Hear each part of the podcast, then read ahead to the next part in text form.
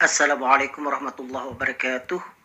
Alhamdulillahirrabbilalamin Kembali pada hari ini saya akan menjawab satu buah pertanyaan yang telah disampaikan. Assalamualaikum dokter. Waalaikumsalam warahmatullahi wabarakatuh.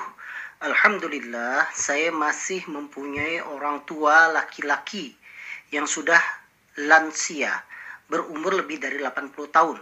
Yang mau saya tanyakan pemeriksaan kesehatan apakah yang rutin harus saya lakukan untuk beliau Berapa kali frekuensinya Apakah ada makanan pantangan yang harus beliau hindari?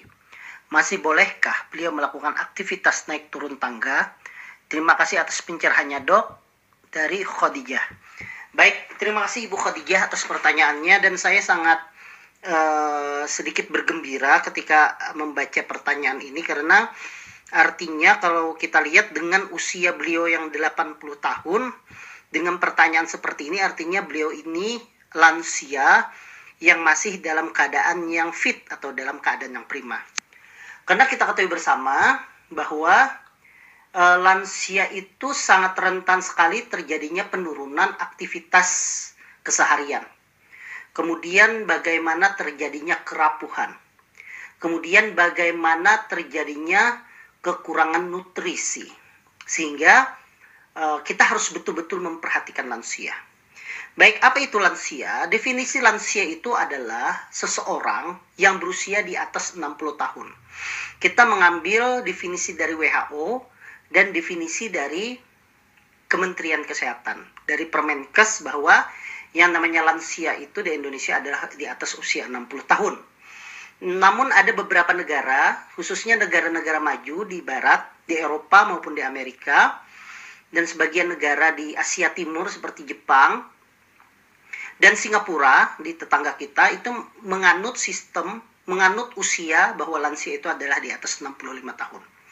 Baik, di luar dari itu, kita sepakat bersama bahwa yang namanya lansia itu atau lanjut usia itu adalah seseorang yang sudah memasuki usia di atas 60 tahun dengan kecenderungan terjadinya rentak atau rapuh pada lansia tersebut.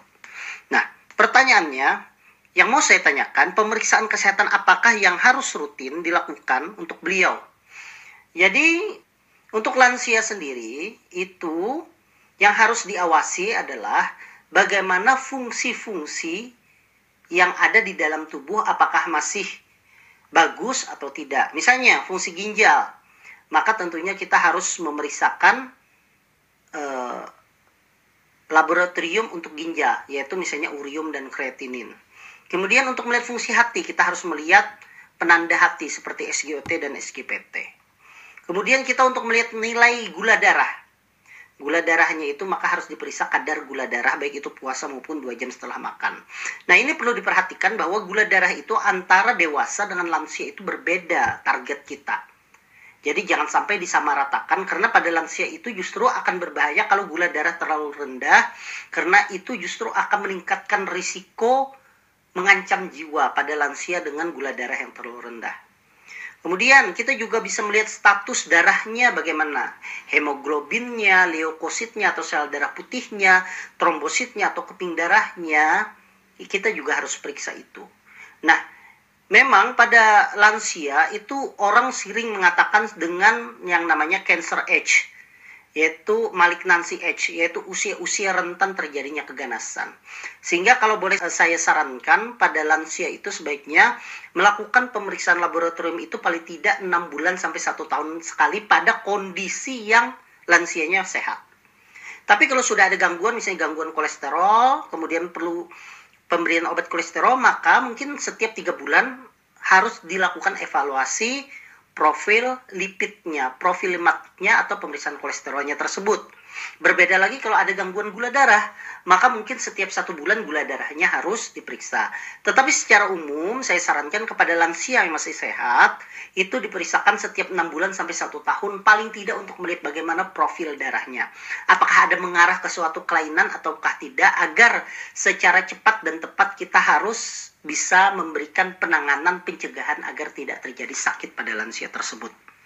Kemudian apakah ada makanan pantangan yang harus beliau hindari?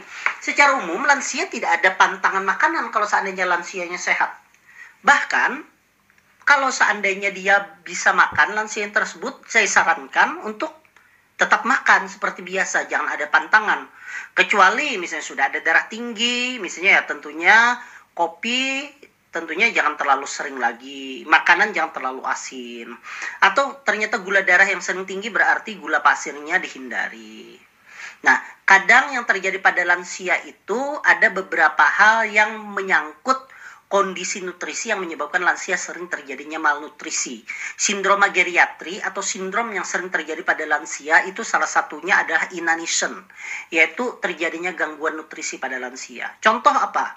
Karena pada lansia banyak gigi yang sudah tanggal, maka tentunya lansia menjadi malas untuk makan makanan yang bertekstur keras dan kita ketahui bersama makan makanan yang bertekstur itu biasanya tinggi protein seperti daging dia itu tinggi protein sehingga yang dimakan itu adalah makan makanan yang lunak saja yang notabennya mungkin saja nutrisinya kurang sehingga akan terjadi malnutrisi pada lansia.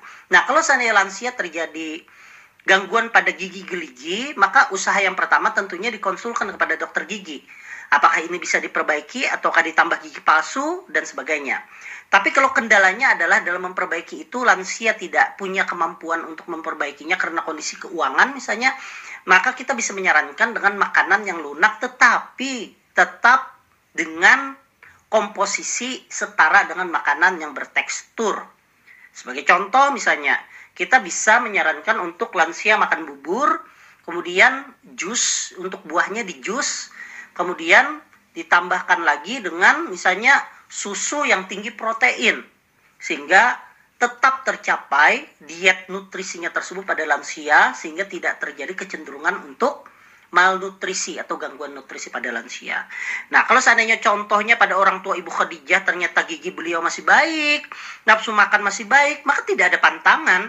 Kecuali ada penyakit-penyakit tertentu, misalnya kolesterol yang tinggi, ya tentunya lemak jenuhnya itu jangan terlalu banyak pemberiannya seperti itu. Kemudian, masih bolehkah beliau melakukan aktivitas naik turun tangga? Wah, justru kalau lansia masih bisa naik turun tangga dan tidak ada gangguan di lututnya, ya tidak ada halangan. Justru saya sangat saya sangat senang sekali kalau lansia masih bisa apalagi dalam usia di atas 80 tahun masih bisa naik turun tangga. Artinya uh, aktivitas kesehariannya itu baik. Skor rapuhnya itu rendah. Artinya lansia ini dalam kondisi fit. Ya tidak masalah. Cuma yang diperhatikan adalah kalau lansia tersebut punya penyakit namanya osteoartritis, yaitu radang sendi akibat dari degeneratif atau proses penuaan. Nah, radang sendi ini paling sering itu di lutut. Selain itu karena adanya pertumbuhan tulang-tulang baru.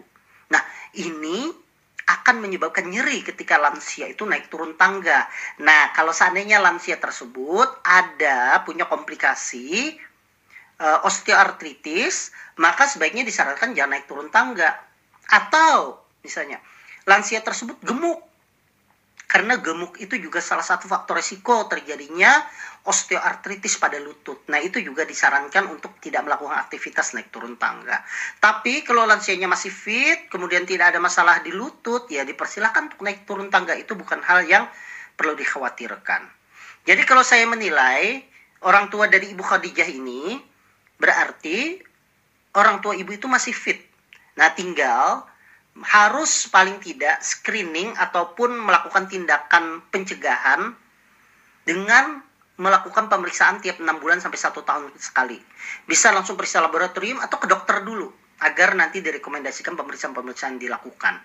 Saya doakan semoga orang tua Ibu Khadijah alhamdulillah dengan usia 80 tahun masih sehat. Saya doakan semoga selalu sehat dan kepada kita semua yang ada di sini semoga diberikan kesehatan oleh Allah Subhanahu wa taala, diberikan umur panjang dan berkah umur yang diberikan tersebut. Wassalamualaikum warahmatullahi wabarakatuh.